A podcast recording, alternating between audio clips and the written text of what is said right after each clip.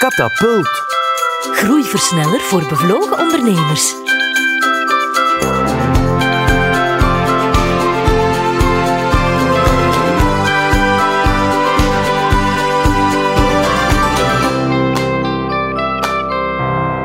Welkom, beste ondernemer, bij een nieuwe aflevering van Katapult, de podcast waarin we elke week op stap gaan met een boeiende ondernemer. Door hun ervaringen met u te delen, staat u er niet alleen voor en maken we de toekomst haalbaarder en duidelijker. Vandaag bezoeken we iPark, het bedrijf van Leen Gijssen. Maar wie is Leen Gijssen, vraagt u zich af? Wel, dat kan mijn collega Christina u vertellen. Christina, het woord is aan jou. Leen Gijzen was in een vorig leven communicatiedirecteur bij Bozar in Brussel. In een vorig vorig leven nam ze als archeologe deel aan de opgravingen in het Turkse Sagalassos.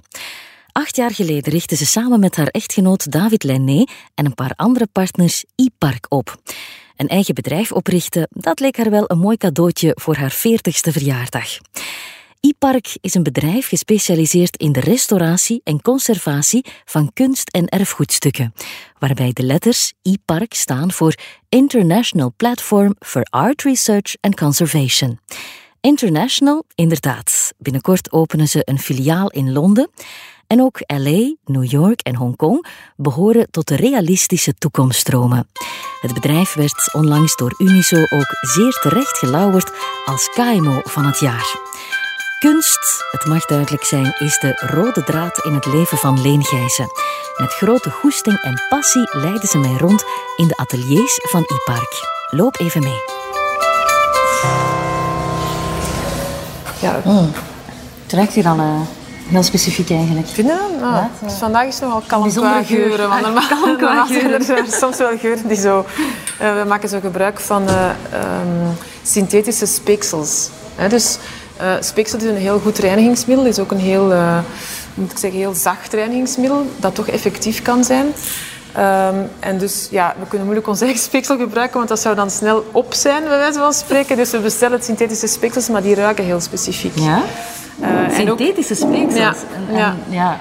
Hoe wordt dat gemaakt? Ja, dat is, chemie, dat is pure Ja, chemie. hè. Ehm, maar dat wordt gebruikt. En, en wat we ook dikwijls doen, is dingen verhitten natuurlijk. Hè. Bepaalde ehm vernissen of zo, of, of bepaalde wasmengsels, die worden verhit. En dat ruik je natuurlijk ook op het moment dat je Mhm. in het atelier komt. Ja. Maar vandaag is het qua geuren tot nu toe nog kalm. Weinig speekselgeur. We zullen zien wat er straks gebeurt. Ehm, ja. Maar misschien wel heel belangrijk voor, om allee, restauratie een beetje te duiden is... eh, er zijn drie principes en, en die zijn belangrijk omdat die enerzijds om, ja, de goede van de minder goede restauratoren onderscheiden, maar vooral ook omdat die maken dat een restauratie duurzaam is en volgens de regels van de kunst gebeurt. En die drie principes zijn de volgende. Eentje is reversibiliteit, dus omkeerbaarheid. Alles wat we doen, alle producten, alle technieken die wij gebruiken, moeten we eigenlijk kunnen afhalen, nu of in de toekomst als er betere technieken zijn, zonder schade aan het onderliggende origineel. Dat betekent dat eh, je heel goed je chemie moet kennen. Want alle solventen, alle dingen die je gebruikt om iets te gaan doen, die mogen niet interageren met wat eronder zit. Ehm, en dus de fase van vooronderzoek en testing voor we effectief restaureren is relatief lang als je kijkt in een restauratietraject. En dat is om die reden. Ja. Omdat wij altijd gaan voor het minst toxische, voor de mensen, maar ook voor het werk. Hè? Ja. En het minst invasieve product. Maar toch met de meeste mogelijke output. Hè? Dus te zeggen, de vernis moet eraf geraken of het vuil dat erop zit. Hè? Vuil van luchtverontreiniging, eh, kaarsen, eh, van andere vervuiling, moet er wel af kunnen gehaald worden. En dus die testen die duren heel lang. Dus dat is één principe, dat is heel belangrijk. Hè? Ja. Een tweede is eh, het principe van de minimale ingreep. Hè? Dus dingen die niet nodig zijn, gaan we niet doen. Als er structureel een probleem is, bijvoorbeeld een paneel, een, een 16e eeuws paneel heeft echt een probleem waarbij de planken verschoven zijn, ja, dan moeten we ingrijpen. Maar als dat niet nodig is, gaan we dat niet doen. Ja. Hetzelfde met bijvoorbeeld ehm, een vingertje van een engeltje dat ontbreekt, maar dat engeltje zit in een altaar dat 6 meter hoog is en eigenlijk zie je dat helemaal niet van de begane grond, dan gaan we dat niet vervangen. Hè. We gaan dat wel doen als dat echt esthetisch storend is, waardoor je het object niet meer goed kan begrijpen. Maar dat is ook allemaal relatief recent. Hè? Dus die dingen die ik nu uitleg, die principes, zijn eigenlijk iets van de laatste twee decennia. Hè? Voordien werd er vlotjes ingegrepen en waren het ook veelal kunstenaars die restauraties deden. hè, toch iets langer geleden. En die dus vonden dat zij dat beter konden of dat zij dat wel perfect konden opnieuw doen. Hetzelfde met bijvoorbeeld lacunes in een werk. Er werd al een keer een lucht opnieuw geschilderd door een kunstenaar. Ja. Want die vond dat hij die lucht gewoon beter kon maken dan de originele kunstenaar. Dus ja, die dingen zijn toch wel, uh, toch wel uh, heel erg veranderd. En het derde principe is het principe van de zichtbaarheid van de ingreep. Dus in principe moet je altijd kunnen onderscheiden wat de ingreep geweest is van de restaurateur. Daarom niet met het blote oog, hè, want dat zou storend zijn. Maar onder een loupe of met UV-licht, een mhm. retouche, moet je kunnen zien onder UV-licht dat die retouche later toegevoegd is. Doe je dat niet, want je kan natuurlijk producten gebruiken of dingen toevoegen aan je producten om die retouche te maskeren, dan is dat fraude. Hè? Dat is het grote verschil. Ja. Hè? Wij doen dat ook nooit. Hè? Dus die drie principes worden hier echt, die worden van in de opleiding al meegegeven, maar hier worden die in de praktijk er echt in gehamerd, omdat die eigenlijk maken ja, dat is ons kwaliteitslabel. Dat is op de lange termijn allee, een strategische optie die we nemen om te zeggen, we gaan nooit afwijken van die principes. Ja. Zeg, daarnet zei je, vroeger waren het kunstenaars die de restauraties deden. Werken jullie dan niet met kunstenaars? Nee, nee, toch niet. En, en ik denk dat je dat hier niet moet zeggen tegen iemand hier in het atelier of je rap terug buiten gaat staan. Ja? Nee, uh, de mensen die hier werken hebben allemaal een academische master. Dus een universitaire opleiding. Restaureren is meer wetenschap dan kunst? Ja, absoluut. absoluut. Ik denk, het, is een, het is een uitzonderlijk samengaan van hoofd en handen. Hè. Het is, Daarom is het ook een, ik vind het een relatief moeilijk en uitdagend beroep. Ik heb heel veel bewondering voor het team hier. Uh, want je moet zowel die chemie goed kennen. Hè. Je moet ja, je hoofd toch relatief veel inzetten, want het hele documenteren van het proces, dat dossier schrijven, het onderzoek dat erbij gaat, dat, hè, dat hoort daar ook bij. En toch moet je ook een handigheid hebben. Ja. Hè je moet geen kunstenaar zijn, je moet niet kunnen creëren, want wij creëren niks, hè, voor alle duidelijkheid. Want dat is ook wat het onderscheid maakt met de kunstenaar. De kunstenaar creëert iets. Dat doen wij niet. Wij gaan enkel maken dat de originele kunstenaar terug zichtbaar is. Hè. Um, maar je moet wel gevoel hebben voor kleur en vorm, uiteraard. Hè. Dat helpt. Hè. Je moet ook heel dikwijls retouchen maken in zoveel verschillende kleuren. Als je dan allee, geen gevoel hebt voor kleur, dan zit je wel in de problemen. Dus die, die combinatie van vaardigheden is echt wel redelijk uitzonderlijk. Plus het feit dat je dan nog eens de volharding moet hebben om op zo'n werk zes maanden tot een jaar of langer te zitten. Hè, waar je eigenlijk ja, voortgang maakt van enkele vierkante centimeters per dag. Hè. Dus dat vraagt een bepaald soort profiel van mensen. Ja. En ik kan niet zeggen, oh, ze zijn introvert of extravert. Daar gaat het niet over. het gaat over een soort intrinsieke passie die, uh, die in ieder van die mensen hier zit. En die we zoeken.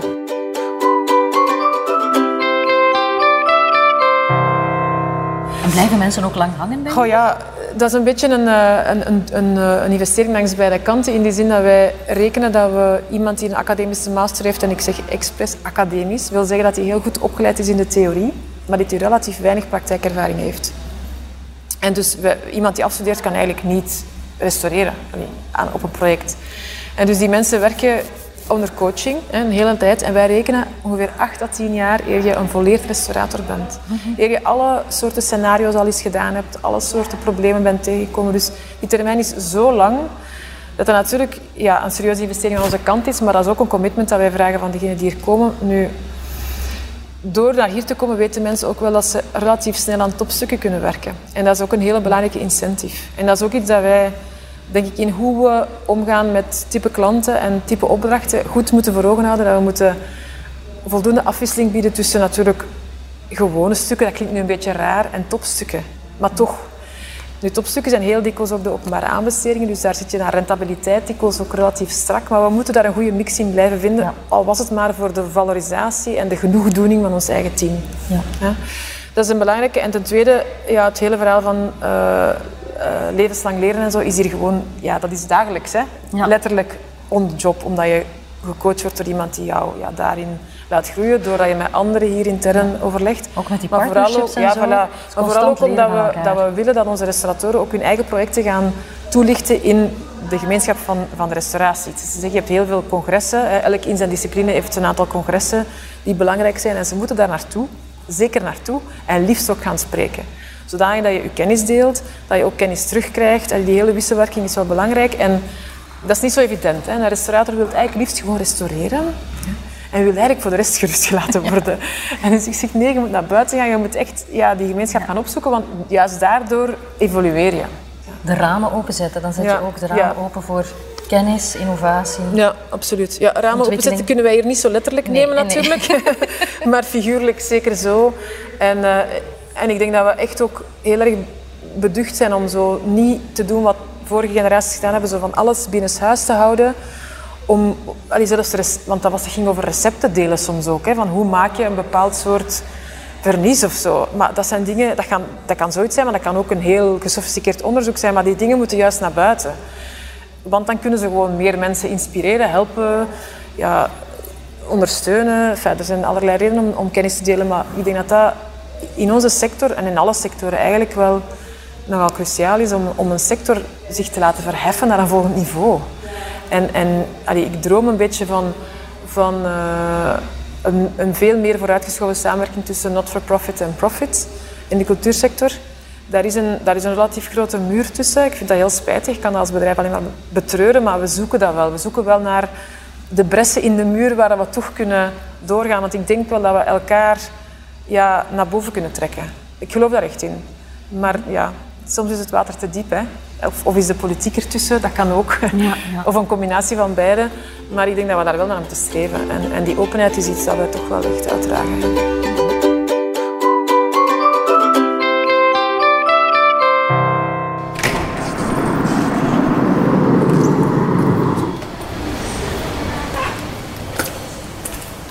De schatkamer?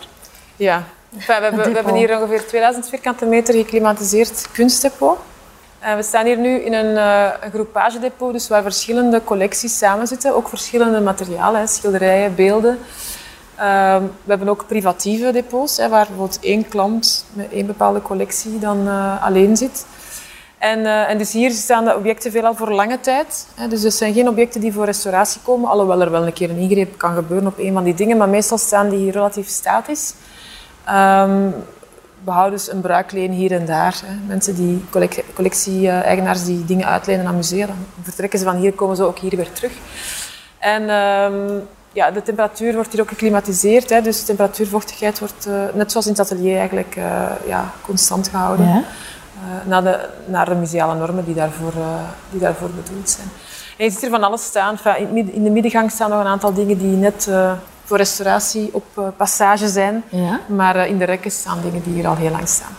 En dus uh, ja, de kunstopslag is een van onze vier activiteiten. En dus we hebben restauratie en conservatie. En dat is wat we daar juist al over gebabbeld hebben, maar eigenlijk het uitvoeren van restauratieopdrachten aanwerken. Het tweede is die collectiediensten. En dat gaat dan van kunstopslag tot en met monitoring van op afstand, het opstellen van conditierapporten. Als een werk vertrekt voor de verzekering moet het rapportje krijgen van de staat. Als het ergens toekomt, hetzelfde. En in de andere richting opnieuw terug. Gebeurt ook door een restaurateur. Uh, maar dat zijn allemaal collectiediensten. Dat is een, een, tweede activiteit. Als het derde is dan onderzoek, hè, waar de beeldvorming en het, het labo eigenlijk onder vallen. En een vierde is insectenbestrijding. Mhm. En insectenbestrijding uh, of, of, contamination management, want het gaat breder dan alleen maar insecten, het is ook schimmels en andere aantastingen. komt best veel voor, zowel bij oude kunst als bij hedendaagse objecten. Um, en zien we eigenlijk ook alleen maar toenemen omwille van de klimaatsverandering. En je ziet meer insecten, je ziet ook andere insecten. Oké. Okay. Um, en dus daar hebben we die ecologische methode uh, met warmte en, uh, en, gereguleerde vochtigheid, waarbij we eigenlijk opwarmen tot een uh, temperatuur van 52 graden ongeveer. En, um, en dat doodt eigenlijk de eitjes, de larven en het insect. voor schimmel gebruiken we dan bevriezing, van een aantal andere technieken nog, maar grosso modo is dat de, de methode die we het meest gebruiken. Dat is ook een niet-toxische methode. Andere methodes met begassing en zo zijn uiteraard zeer giftig. En slecht eigenlijk van bij, slecht voor het kunstwerk, maar vooral heel slecht voor de, mens. Ja. En het, het, probleem met die vergassing is dat je eigenlijk um, tot een jaar of langer nog uitwaseming krijgt van het object.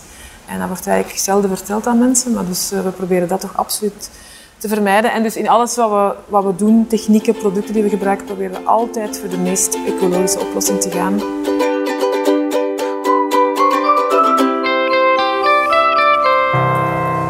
Hoe innovatief is jullie aanpak eigenlijk?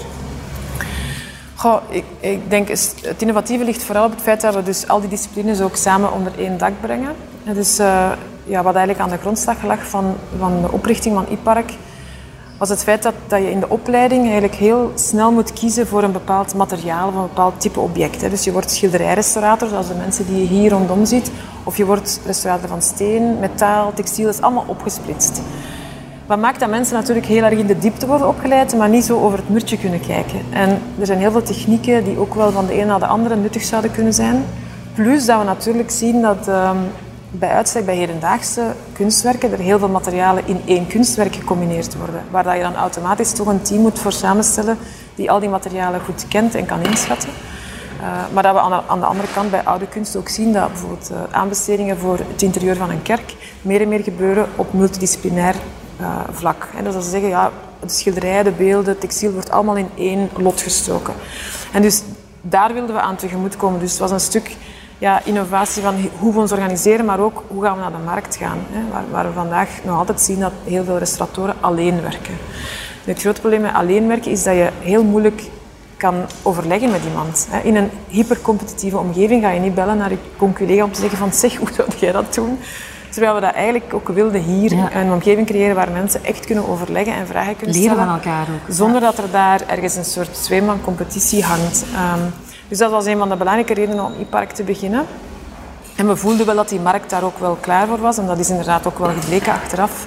Als je kijkt naar onze groei, dat, dat, dat, uh, dat de mayonaise wel gepakt heeft. Uh, de tweede reden was natuurlijk het feit dat wij wel bezorgd waren over de kennisoverdracht van generatie op generatie. Ja, dus vroegere generaties waren nogal weigerachtig. Hè, opnieuw de context van eenmanszaken om hun, om hun know-how door te geven. Omdat je uiteindelijk je concurrent aan het opleiden was. Ja. Terwijl wij denken van ja, nee, je moet die kennis eigenlijk duurzaam verankeren. Zeker hier in Vlaanderen hebben we hele goede opleidingen. We hebben hele goede restauratoren met heel specifieke kennis. Zeker rond Vlaamse meesters, hè, wat toch een belangrijke kunsthistorische stroming is. In alle grote musea in de wereld hebben ze een afdeling Flemish Masters. Ja, en die kennis moeten wij hier verankeren. En dat kan je alleen maar doen als je wat groter denkt en, en kijkt naar okay, verschillende generaties in één bedrijf. Dus uh, het innovatieve zit ook een stuk daarin dat we gekeken hebben van oké, okay, kennisopbouw, dat is een economisch goed. en hoe kunnen we dat op een of andere manier ook uh, bestendigen en daar toch een businessmodel rond bouwen. Anderzijds ja, zijn er een aantal belangrijke trends binnen de sector waar wij heel erg naar aan het kijken zijn. En eentje daarvan is um, de verschuiving van, van de budgetten naar preventieve conservatie. Dus alles wat te maken heeft met de bewaaromstandigheden van een object. Hè, in, in, de, in de logica van ja, beter schade voorkomen dan, Beter dan voorkomen moeten dan restaureren genezen, achteraf. Ja.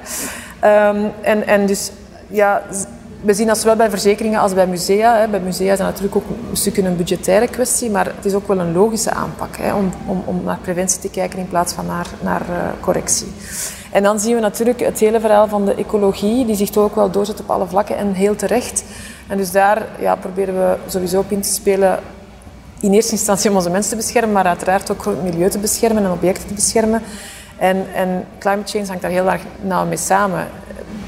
Oké. Um, kunst is een garantie op gezond verstand. um, schijnt jouw levensmotto te zijn. Of heb je het toch ooit wel eens in een, uh, in een artikel gezegd? Leg dat eens uit. Ik heb het ooit in een artikel gezegd, dus je hebt de research goed gedaan. Um, nee, eigenlijk is het art is a guarantee of sanity. Dus dat ja. is een beetje anders in het Engels nog qua... Want als je dat vertaalt in het Nederlands klinkt dat een beetje ongelukkig. En dat is een, een spreuk van Louise Bourgeois. En ik vind dat dat een zeer sterke grond van waarheid in zich draagt. Nee, ik, ik denk dat dat voor veel mensen opgaat. Maar in ieder geval voor mezelf heb ik gemerkt dat als ik kunst dicht bij me houd, dat ik dan uh, het meest evenwichtig ben. en als dat niet zo is, dat er zich wel wat um, dysfuncties kunnen voordoen. Nee, nee, nee. Kunst is gewoon, is gewoon mijn passie, is mijn, is mijn leven. En, en, en, en het is ongelooflijk fijn dat je daar je beroep van kan maken. Uh, en ik zal dat blijven opzoeken, zowel privé als professioneel. Dus in die zin is dat wel echt een spreuk die bij mij past. Ja.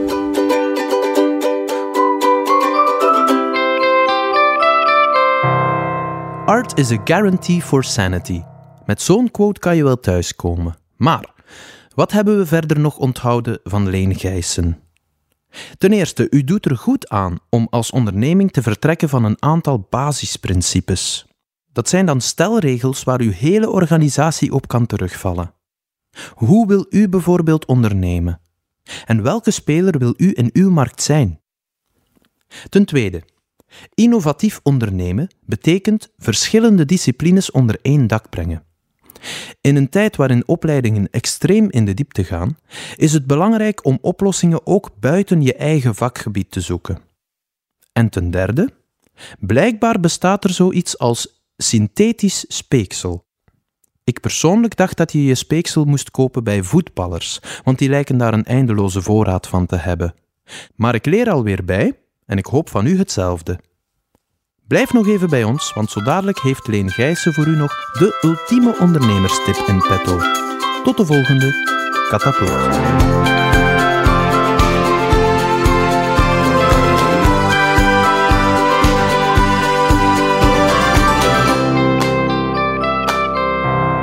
Deze podcast maakt deel uit van de Uniso Online Ondernemersacademie met podcasts, videolessen, webinars en online masterclasses. Alle info op www.ondernemersacademie.be. Uh, laten we niet, niks dicteren door niemand niet. We hebben ook altijd dingen gedaan, niet altijd zoals men het ons voor zei of zoals het zou moeten gebeuren. Dus ik denk dat dat wel een gezonde levenshouding is, ook in business, om de dingen gewoon zelf voor je eigen uit te stippelen en niet te veel naar anderen te luisteren. Maar wel te omringen met, met goede, goede raadgevers. Hè. Dus ik, ik, wil niet zeggen dat je het eigen gereid moet doen, maar je moet het wel op je eigen manier doen. Maar naar innovatie toe, ik denk, ehm, in ons geval is het zo dat wij om de 24 maanden eens goed met de bokaal schudden. Uh, dus te zeggen is heel kritisch kijken naar onze klantenportefeuille qua samenstelling van klanten, maar vooral ook naar onze dienstverlening. Of die nog helemaal matcht met de markt, maar vooral ook matcht met wat er morgen uh, zich zal presenteren. En dus ja, heel kritisch kijken en, en ook wel durven ja, heilige huisjes om, omduwen. Natuurlijk heb je daar een managementteam voor nodig die dat ook wel willen doen en die, die daar ook wel voor openstaan. Maar ja, dat heb je voor een stuk zelf in de hand als ondernemer. Maar zo dat, dat heel kritisch de hele onderneming doorlichten en, en soms ook radicaal een stukje een andere weg inslaan, is denk ik wel gezond. En het zal in ieder geval beletten van vaste rusten in routine. Dat gaat hier nooit niet gebeuren.